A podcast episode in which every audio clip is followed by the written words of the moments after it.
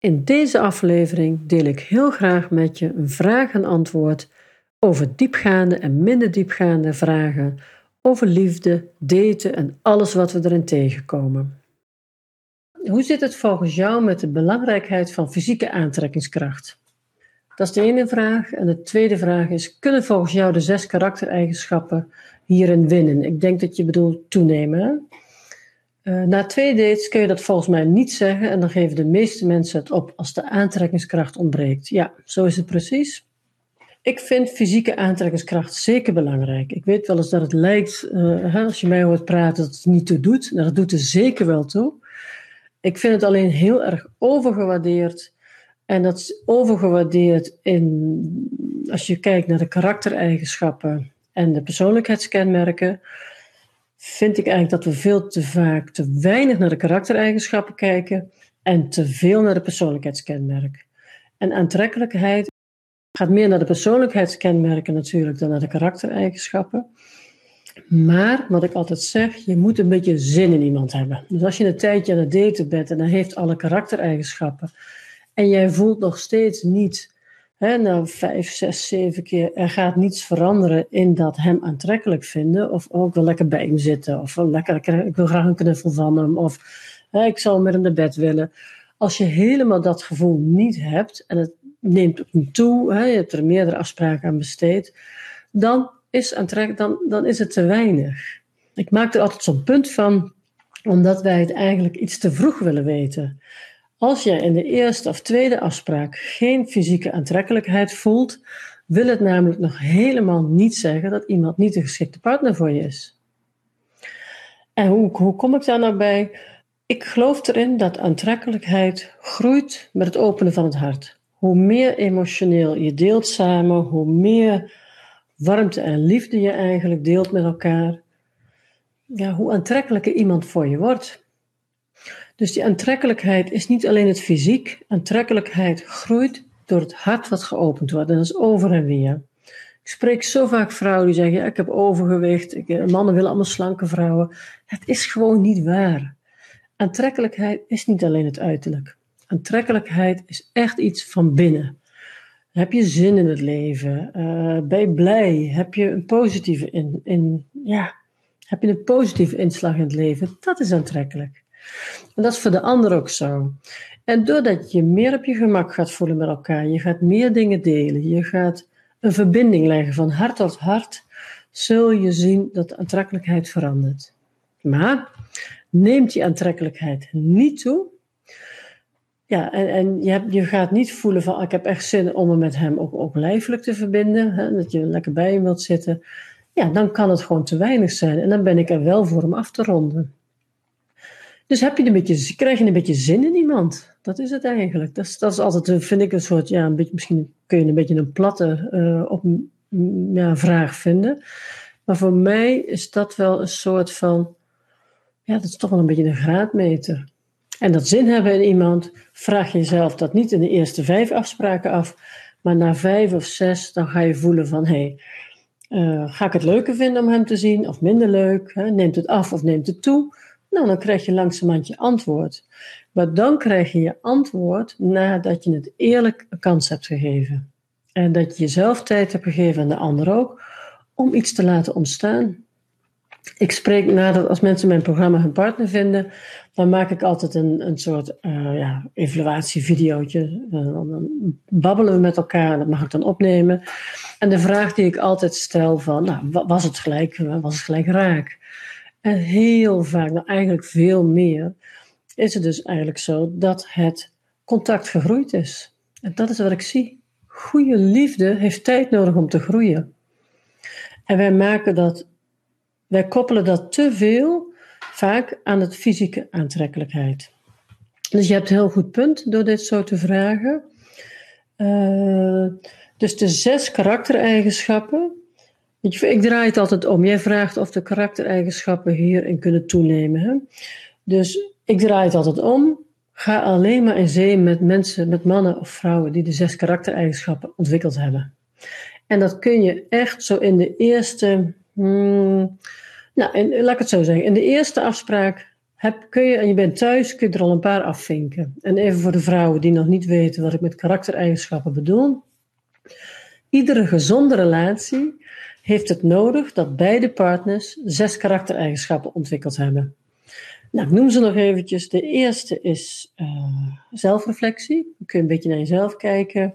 Kan je reflecteren, god, heb ik ook niet handig gedaan? Of, uh, nou, als ik dat over moet doen, deed ik het anders. Dat is zelfreflectie. Emotionele openheid.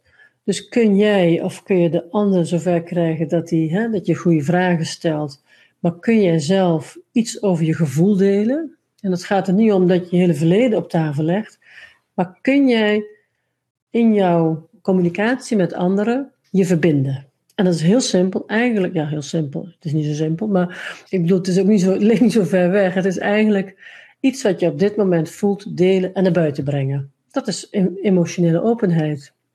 Dus bij de eerste afspraak dat je knetter zenuwachtig bent, dat je het gewoon zegt. Ik vind het heel spannend om hier te zitten. Nou, je zegt, 9 van de 10 keer zegt die man, oh, maar blij dat je het zegt. Ik ook. Nou, ben je al emotioneel open met elkaar. Emotionele openheid verbindt mensen. Dus dat is de tweede. De derde is eerlijkheid en integriteit. Dus is iemand eerlijk? En een beetje eerlijk bestaat niet. Dus uh, kun je voelen van, nou ja, die heeft geen dubbele agenda. Of, nou, daar twijfel ik een beetje over. Dan heeft dat gewoon echt nog meer tijd nodig om te onderzoeken. De vierde is volwassenheid en zelfstandigheid. Heb jij jouw leven lekker op orde? Dan mag je het ook van een ander veranderen, verwachten. Heb je zelf, vind je het heel moeilijk om alleen te zijn? Ben je eigenlijk vooral meer eenzaam dan dat je het naar je zin hebt in je eentje? Dan heb je echt nog wat werk te doen. En daar bedoel ik niet mee van zware therapie of wat dan ook, maar ga, zorg dat je een leuk leven hebt. Maak het zo goed mogelijk voor jezelf. Dat je wel weet, dat het kan leuker met een man erbij, maar ik ben ook niet doodongelukkig als ik alleen ben. Dat is belangrijk. En dat mag je van een ander ook verwachten. Want er komt straks nog een vraag over een tekort. Als je namelijk zelf je heel erg rot voelt en je wilt graag, hè, je zoekt een relatie om je beter te voelen, dan moet een ander jou ergens blij mee maken. Maar dat is altijd ongezonde relaties. En dat, zijn, dat is een disbalans. Daar zal ik straks nog meer over vertellen. En dan hebben we de, de vierde was dus volwassenheid, zelfstandigheid. En de vijfde is zelfvertrouwen. Heb je zelfvertrouwen? En dat hoeft niet dat je blaakt en dat je jezelf helemaal top vindt. Gewoon tevreden met jezelf is al heel netjes, is al heel goed. Dus weet je, ik heb zelf nog wel dingen die ik niet zo geweldig van mezelf vind. Oké, dat is een soort van, ja, nou, dat is ook een deel van mij. Daar doe ik het mee. tandje, soms, ik moet vaak een tandje eraf, want ik ben een beetje te voor veel mensen. Ehm, maar weet je, dat is ook een beetje wie ik ben. Ik, ik uh, veroordeel mezelf er niet meer om. Dus ik zou kunnen zeggen, ik ben niet 100%. Uh, ik heb geen 100% zelfvertrouwen, zeker niet. Ik ben ook niet 100% tevreden met mezelf. Maar ik ben voldoende tevreden met mezelf om in een gezonde relatie te kunnen functioneren. Nou, daar zit het. Hè? We hoeven niet af te zijn. En de laatste eigenschap, de zesde, positieve levenshouding. En daar bedoel ik eigenlijk mee, heb je een beetje veerkracht. Dus als jou iets tegen zit in het leven, hè, eh, nou, die crisis nu, waar we in zitten met z'n allen. Hoe, hoe ben jij daarin? Kun je, kun, kun je toch nog wat positiefs zien? Of red je het ermee? Of ga je oplossingen zoeken? Of zak je echt weg en vind je het heel moeilijk en zit je in de zwaarte? Nou, dan heb je nog, kun je nog iets ontwikkelen in je veerkracht. En dat kan je bij een man dus ook zien. Hè? Als je tegenover iemand zit die uh, van alles eigenlijk de zwaarte ziet, dan weet je gewoon, nou, de positieve levensinstelling, nou, daar kan, al een, uh, kan je wel wat mee winnen. Nou, dit zijn de zes karaktereigenschappen. En wat ik altijd zeg, in de eerste afspraak, en je, je, op weg naar huis, kun je er meestal al één of twee afvinken. Dat je echt voelt van, ah ja, dat heeft hij. Ja, dat vertelde die. Of, nou, daar was hij wel een beetje vaag over. Dat, dat, durf ik nog niet zomaar te zeggen. Nou, dan heb je de tweede afspraak en dan weet je gewoon, nou, die en die eigenschappen ik nog even. Ja, je moet er niet echt op letten. Je gaat er niet in van, ik moet afvinken. Maar na de tweede afspraak ga je thuis weer even kijken van, nou, wat heb ik nu wel of niet? En zo, zo ga je ermee door. Blijf je nu twijfelen over een goede karaktereigenschap, of een van de eigenschappen iemand echt wel heeft, ja, onderzoek dat echt goed voor je dus je ook laat hè, veroveren. En daarom ben ik ook altijd wat terughoudend met snelle intimiteit. Op het moment dat we heel snel met iemand naar bed gaan, ja, weet je, dan gaat toch een, dan gaat het gevoel en de lust en dan gaat meer de onderbuik stromen, dan dat je je hart mee laat spelen. En op het moment dat je snel met iemand naar bed bent geweest, en dat is toch echt voor vrouwen zo, we stellen ons dan heel erg open, dan komt er toch een verbinding bij, die mis, dat wat misschien een beetje, uh, ja, dat is eigenlijk jammer, want het vertroebelt een beetje het nuchtere kijken. Een goede relatie heeft 50% gevoel en 50% gezond verstand. Je kan nog zo verliefd zijn op iemand, maar als die persoon de zes karaktereigenschappen niet heeft, krijg je een dramarelatie. Nou, een heel uitgebreid antwoord op jouw vraag. Is dit een, compleet antwoord voor jou? Heb je zo voldoende gehoord van me hierover? Oké, ja hoor, heel erg bedankt. Mannen haken wel snel af. Oké, ja, dat, is, dat zou ik je iets beter moeten kennen weer om daarop in te gaan. Ik ga nu verder met de volgende vraag. Ik trek op de een of andere manier steeds de verkeerde, emotioneel niet beschikbare mannen aan. Blijkbaar schijn ik dat zelf uit te stralen en ik vraag me af wat dat, wat dat dan is als die mannen alleen een foto van mij zien en mijn profiel. Blijkbaar zit dat nog niet goed in elkaar. Nee, je, je hebt zelf inderdaad, trek je de conclusie al. Op het moment dat je op een datingsite altijd eigenlijk de mannen aantrekt die waar iets mee is, zeg maar, die of een beetje ja, nog bezet zijn, of een beetje half op zoek zijn, of liever friends with benefits willen zijn, enzovoort, dan straal je nog iets uit. En het klinkt altijd zo raar, maar het zit vaak in de combinatie profieltekst foto's. En daar bedoel ik mee, iets in je profieltekst straalt nog uit dat je makkelijk bent concreet voorbeeld. Bijvoorbeeld vrouwen zeggen vaak van, uh, dat ze het leuk vinden om uh, voor de hele familie te koken of wat dan ook. Je kunt uit teksten halen of iemand echt graag een verzorgster is, een beetje de boel graag wil, wil, wil verwennen enzovoort. Daar trek je bepaalde mannen mee aan. Zo hebben veel vrouwen laten ook in hun tekst een beetje merken dat ze wel makkelijk zijn. Of dat je alle kanten met ze op kunt. Of, en daarmee, en dat vaak in combinatie met foto's, maakt toch dat je te veel mannen aantrekt die niet bij je passen. En wat ik heel vaak zie, ik weet niet of dat bij jou zo is, maar daar kunnen we, daar kunnen we naar gaan kijken, is dat de tekst te algemeen is. Dan schrijven we bijvoorbeeld heel vaak positieve, spontane, praatgrage, gezellige vrouw zoekt. Het zijn allemaal lege woorden. Het zegt allemaal niks, want uh, iedereen heeft maakt daar zijn eigen beeld bij. Ik noem het webinar, heel veel van jullie hebben mijn webinar al gezien. Ik noem het webinar altijd sportief. Als je zegt, ik ben een sportieve vrouw, ja, diegene die dat leest, vult het op zijn manier in, met zijn wens eigenlijk over zijn toekomstige partner. Dus die ziet een hele sportieve vrouw fietsen op een racefiets. Maar wat blijkt jij nou onder sportief te verstaan? Dat jij iedere avond een rondje door de buurt wandelt. Dus jullie komen elkaar tegen en denken, what the fuck, is helemaal geen sportieve vrouw, is helemaal geen, wielrenster, hè, wat hij zijn hoofd ervan had gemaakt. Maar als jij direct zegt wat jij precies doet in dat sportief zijn, krijgt een ander een veel helder beeld. Dus de tekst kan ook te algemeen zijn. En een algemeen beeld trekt Jan en allemaal aan. Maar ik ben er veel meer voor dat je minder reacties krijgt, maar mannen die zich echt herkennen in jouw verhaal, dan dat je er heel veel krijgt en dat je er eigenlijk geen geschikte tussen vindt zitten. Nee, dus die foto en die, die uh, profiel, daar kan ik je bij helpen. Dus daar kunnen we naar gaan kijken, zodat dat beter aansluit bij de mannen die jij zoekt. En dat zit hem enerzijds, heb je natuurlijk altijd het, het eerste gedeelte, het A-deel, gaat over jezelf. Dat is, dat is heel belangrijk. Maar wat ook heel belangrijk is, is het deel waarin altijd iets gevraagd wordt over de man die je zoekt. Nou, dan zijn we als vrouw altijd heel goed in uh, ons eisenpakketje, want ik wil wel dat je dit doet en je dat en zo. Maar we geven eigenlijk te weinig een beeld af van de man die we zouden willen. En dat je het derde stukje, wat ik altijd zeg, schrijf ook een paar zinnen over hoe je jullie samen ziet. Want daarmee creëer je ook een heel ja, boeiend beeld voor de ander, dat je denkt, wow, dat lijkt me wel wat. En dat allemaal een beetje in beeldende vorm, dus niet te veel lege woorden. En ja, ik heb aangegeven, dat, dat roep ik ook wel vaker, bij het uitzoeken van mannen, dat je niet alleen moet afgaan op wat mannen in hun profiel zetten aan foto's, want daar stoppen ze weinig effort in. Vervolgens vraag ik me dan af, als zij dat niet in hun profiel steken, hoezo trekt het ze dan wel aan dat ik zelf een goed profiel heb? Dit is een vraag uit geboren uit nieuwsgierigheid, hoe dat nou precies werkt. Ja, hele goede vraag hoor. Ja, want ik hoor ook wel vaker van vrouwen, dan zeggen ze, ja weet je, en waarom moeten wij dan zo'n goed profiel schrijven en mannen doen maar wat. Ja, dat klopt. Uh, niet dat mannen per se wat doen, maar mensen die niet begeleid worden, die doen maar wat.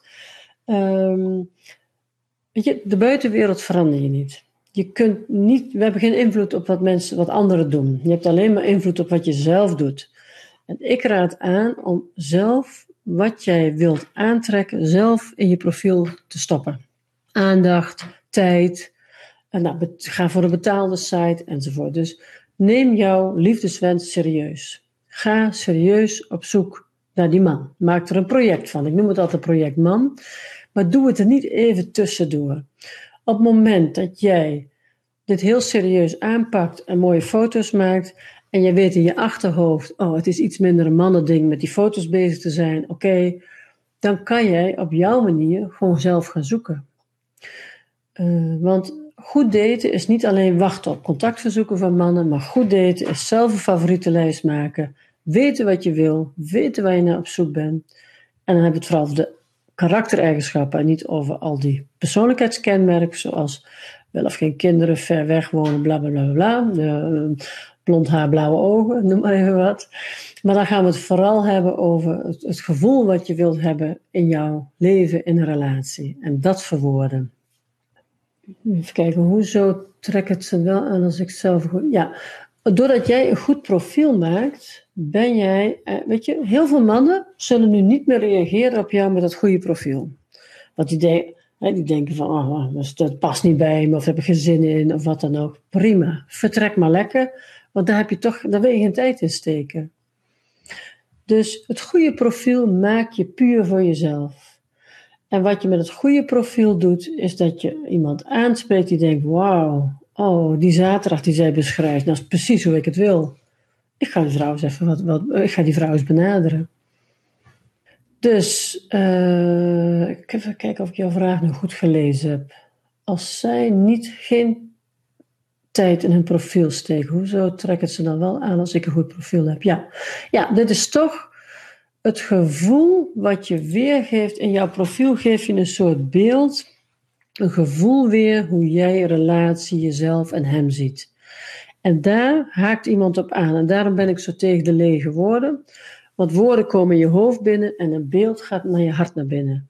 En dan kun je voelen, dan kan een ander voelen, nou, daar wil ik mijn voeten wel onder de tafel steken. Dat lijkt me een fantastische sfeer die die vrouw heeft. Ga ik verder naar de volgende vraag.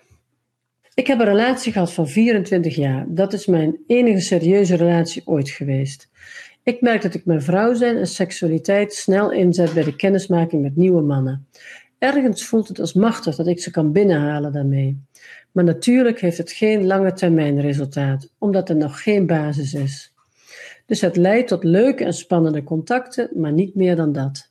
Maar ja, ik heb het ook nog nooit gedaan, het flirten, kennismaken, opbouwen van een relatie, help.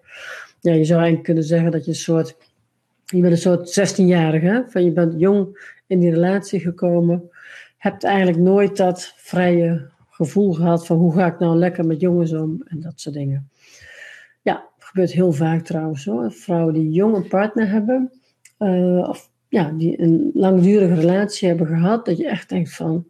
Ik had laatst iemand die was 65, had een relatie van 35 jaar, 40 jaar achter de rug en die zei: voel me net een puber. Dat ken ik, ik heb het nooit nodig gehad. Nee, dat snap ik.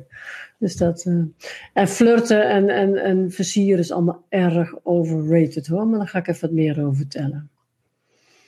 Ja, dus wat jij zegt is dat jij voelt dat je macht kunt hebben met je seksualiteit.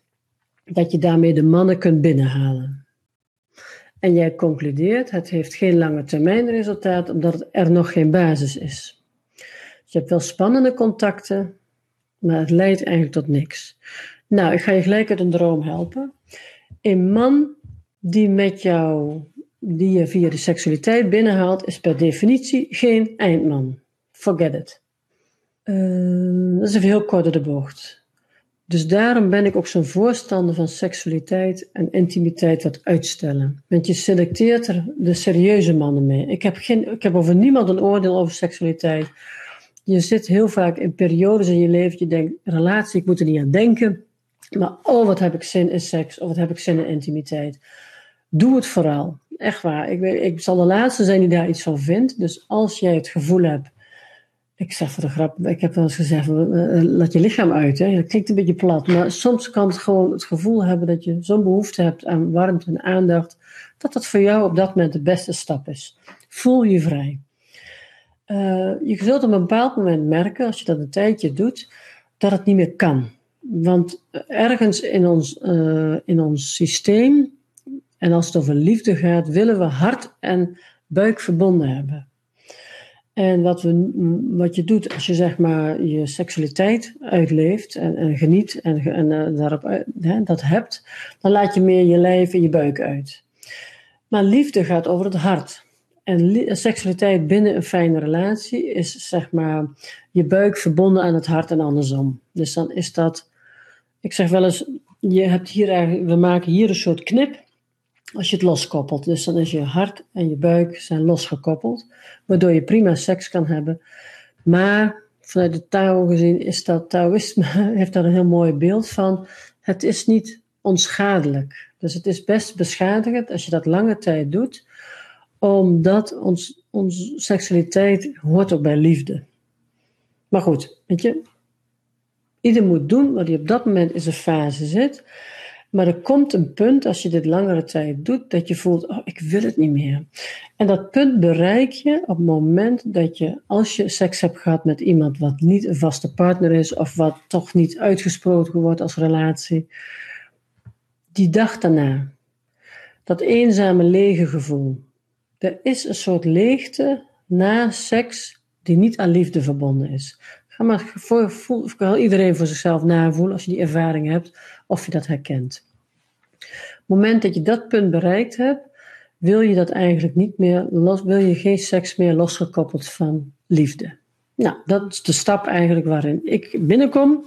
Want ik ben uh, in mijn hele aanbod en alles wat ik vertel, ga ik uh, uit van mensen die een vaste relatie willen. Dus die inzetten op een relatie, natuurlijk inclusief seksualiteit. Dus op dat punt kom je eigenlijk bij mij binnen. En op het moment dat jij zegt, ik merk dat ik seksualiteit inzet om mannen te, ja, aan me te binden, dan is dat mijn eerste vraag. Ben jij op zoek naar een echte relatie? Of vind je het gewoon heerlijk en heb je behoefte aan wat seksualiteit? Daar zit het verschil. Zeg je het laatste, dan kan je ermee gewoon mee doorgaan. Maar jij hebt eigenlijk een beetje het gevoel van, hm, ik wil een lange termijn relatie, dat is wat ik lees. Dus dan betekent het dat je dat stukje in jezelf mag gaan beheren, aansturen. En ik noem de, de seksualiteit inzetten om een partner aan je te binden, dat noem ik de verleidster. Want dan zeg je bijvoorbeeld, ik lees dat je zegt, ja, maar ik weet niet wat het is, he, verleiden en flirten, ik zou niet weten wat het is. Dat hoor ik heel vaak. Maar dan hebben we dus onze verleidster verborgen. Die hebben we onder water gedrukt. Want wat je doet, is je verleidt, je verborgen verleidster inzetten om mannen aan je te binden. En dat is macht. En die macht, ja, dat hebben we, als meisje leren we dat jong. Ergens, als we jong zijn, gaan we gewoon voelen van, hé, hey, als ik dit doe, reageert een man zus. Als ik zo doe, reageert een man zo. We voelen dat we kunnen spelen met onze seksualiteit. Het afschuwelijke van deze tijd is, is dat dat spel wat ieder kind, ieder meisje, ieder jongen moet doen om, om zichzelf in de seksualiteit te gaan voelen, dan moet je dat spel kunnen spelen. Maar dat erotische spel van jonge mensen, van jongens, van meisjes, is onschuldig. Dat is zo onschuldig. Dat is aftasten, dat is de wereld aftasten. Als ik dit doe, wat gebeurt er dan? Of als ik dat doe, wat gebeurt er dan? En we leven helaas in een wereld waarin die erotische, onschuldige uitingen van kinderen uh, door de verkeerde volwassenen verkeerd geïnterpreteerd worden. Dus dan kom je in het misbruikverhaal en uh, hele, ja, maar ze wou het zelf. Donderop, het is gewoon niet waar. Dit is wat kinderen moeten doen om een gezonde seksualiteit te ontwikkelen. Nou, heel gelukkig hebben heel veel mensen dat wel gezond kunnen doen. Um, kom ik hier nou op? Ja, het raakt me altijd zo dat de seksualiteit zo uh, vertroebeld wordt. En dit is ook weer zo'n vertroebeling, want het is onschuldig als een jong meisje flirt. Het is niet echt flirten, dat is voelen, ja, dat is jezelf een beetje in de wereld zetten, voelen, zoals we ook op andere manieren leren door onszelf te ontwikkelen. Is dit ook gewoon een ontwikkeling? Op het moment dat je een verborgen verleidster hebt ontwikkeld, en ik had er zelf ook jarenlang in, heeft dat eigenlijk te maken met dat je uh, dat je gewend bent dat liefde er niet zomaar is. Dus dat je moeite moet doen om liefde te krijgen. Er moet iets. En dat uh, bijvoorbeeld, uh, dat kan zijn door een, af, door, een, door een vader die wel hard werkt voor het gezin, maar altijd afwezig is. Emotioneel niet aanwezig voor jou of voor je moeder of zusjes, broertjes. En dat betekent dat je.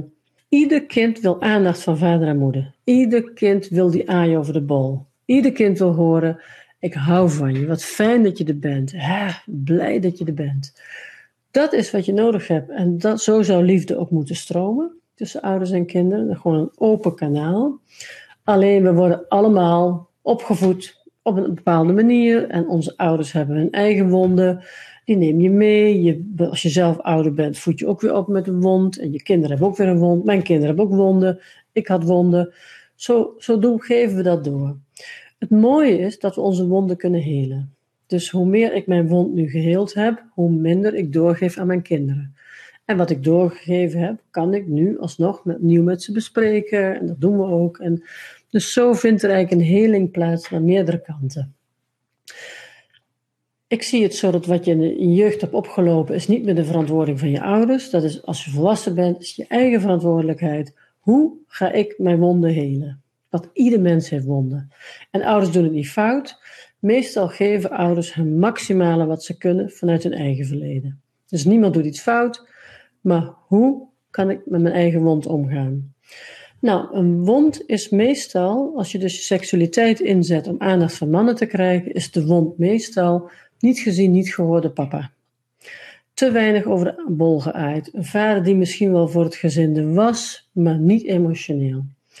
En dan word je eigenlijk een beetje, een beetje zoekende. Want dan moet je dat uittesten aan de buitenwereld van, maar hoe dan wel? En heel vaak gaan we dan in onze volwassen partnerrelaties, gebruiken we dan de seksualiteit om toch liefde te krijgen. En wat we daarmee doen, is dat we seksualiteit verwarren met liefde. Of seksualiteit inzetten om liefde te vinden. Nou, het moment dat je bewust wordt dat er eigenlijk een hunkerend meisje onder zit, een hunkerend kind, wat die gewoon wil horen: lieverd, je bent oké zoals je bent, ik hou van je. Onvoorwaardelijke liefde is: ik hou van je, maakt niet uit wat je doet.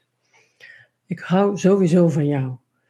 Dat is onvoorwaardelijke liefde. Maar helaas worden de meeste kinderen, bijna iedereen wordt opgevoed met voorwaardelijke liefde. Als je lief bent, dan. Als je je gedraagt, dan. Als je goede cijfers haalt, dan. Als je die studie doet, dan. Dan houden we van je. Nou, en dit stukje onvoorwaardelijke liefde, als je dat niet gekend hebt, is de verborgen verleidster heel vaak een gevolg daarvan. En die is te helen, dat is de, je kunt het helen via je hunkerende kind, om iedere keer je hunkerende kind, zeg maar, ja, uh, ja daar heb ik allemaal oefeningen voor, maar in ieder geval, het is geen zware therapietoestand, maar het is wel dat je een goed contact gaat opbouwen met je, met je gekwetste kind, met je gewonde kind en met je hunkerde kind. En doordat je eh, dat innerlijk die volwassene voor dat kind gaat zijn, ga je ook gezond worden naar buiten. En ga je ook een gezonde volwassen man aanzoeken. Uh, aantrekken, sorry, uitzoeken en aantrekken, ja. Ah, ja, je raakt me enorm, want je slaat de spijker op zijn kop, ja. Ja, hier het pijn van het kind, hè. Kijk, dat raakt mij nou weer. um, fijn dat je het herkent. Het is gewoon te herstellen. Je kunt die verborgen verleidster helder krijgen. En verborgen verleidster is eigenlijk een overlever. Dat is een overlever die is in het leven geroepen toen de pijn van de liefde die er niet was, te groot was. Nou, dan hebben we die overlever en die weet, wauw, nou, dit kan ik met mijn seksualiteit, dit krijg ik voor elkaar. Als ik zo kijk, dan heb ik die reactie. Of als ik me zo opstel, krijg ik de mannen in bed. En de verborgen verleidster krijgt iedere man in bed. Zo simpel is het. Of er gelukkig van wordt, is een ander verhaal. En dat punt ga je bepaald moment bereiken. En als ik jou hoor, heb je dat nu bereikt. En het is pijnlijk, maar het is ook de volgende stap naar een gezonde relatie. En flirten, en, en dat is allemaal erg overrated. Want, wat, want ik zeg altijd, wees flirten, dat hebben we allemaal gekoppeld aan het, aan het aan relaties. Aan mannen versieren of vrouwen versieren. Maar flirten is eigenlijk plezier hebben in het leven. Flirten kun je, dat is eigenlijk een beetje het lossen, het spelen.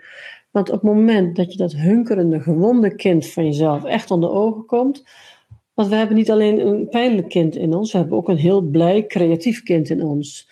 Maar als de wond van het kind groter is of groot is, dan gaat hij een beetje over dat blije kind heen. Op het moment dat je je wond en je frustratie, je dingen uit het verleden heelt, het hunkerende meisje zelf goed voedt, dan gaat die wond er een beetje af. En dan komt dat blij, die blije, dat vrolijke kind komt naar boven. Met allemaal creatieve ideeën. En dat stukje, dat is eigenlijk het, deel in jou wat fantastisch kan flirten. Dan hoef je er niet meer over na te denken. En flirten is dan spelen, is grapjes maken, is relativeren, een beetje uitdagen, dollen. Dat is flirten. En ik zeg altijd, als je wilt leren flirten, ga flirten met kinderen. Kinderen kunnen geweldig flirten, die kunnen dollen, die hebben humor. Maak grapjes. En in feite gaat het over los worden, vrij, je vrij voelen. Niet te strak, niet te, kan ik het fout doen. Dat is eigenlijk flirten. Vond je deze podcast inspirerend en wil je heel graag meer weten hoe jij jouw liefde kunt vinden? Kijk op mijn website www.laatsteliefde.nl en ik help jou heel erg graag verder. Heb je een vraag die je graag beantwoord wil hebben in deze podcast? Stuur me een mailtje info@laatsteliefde.nl. De liefde bestaat wel, ook voor jou.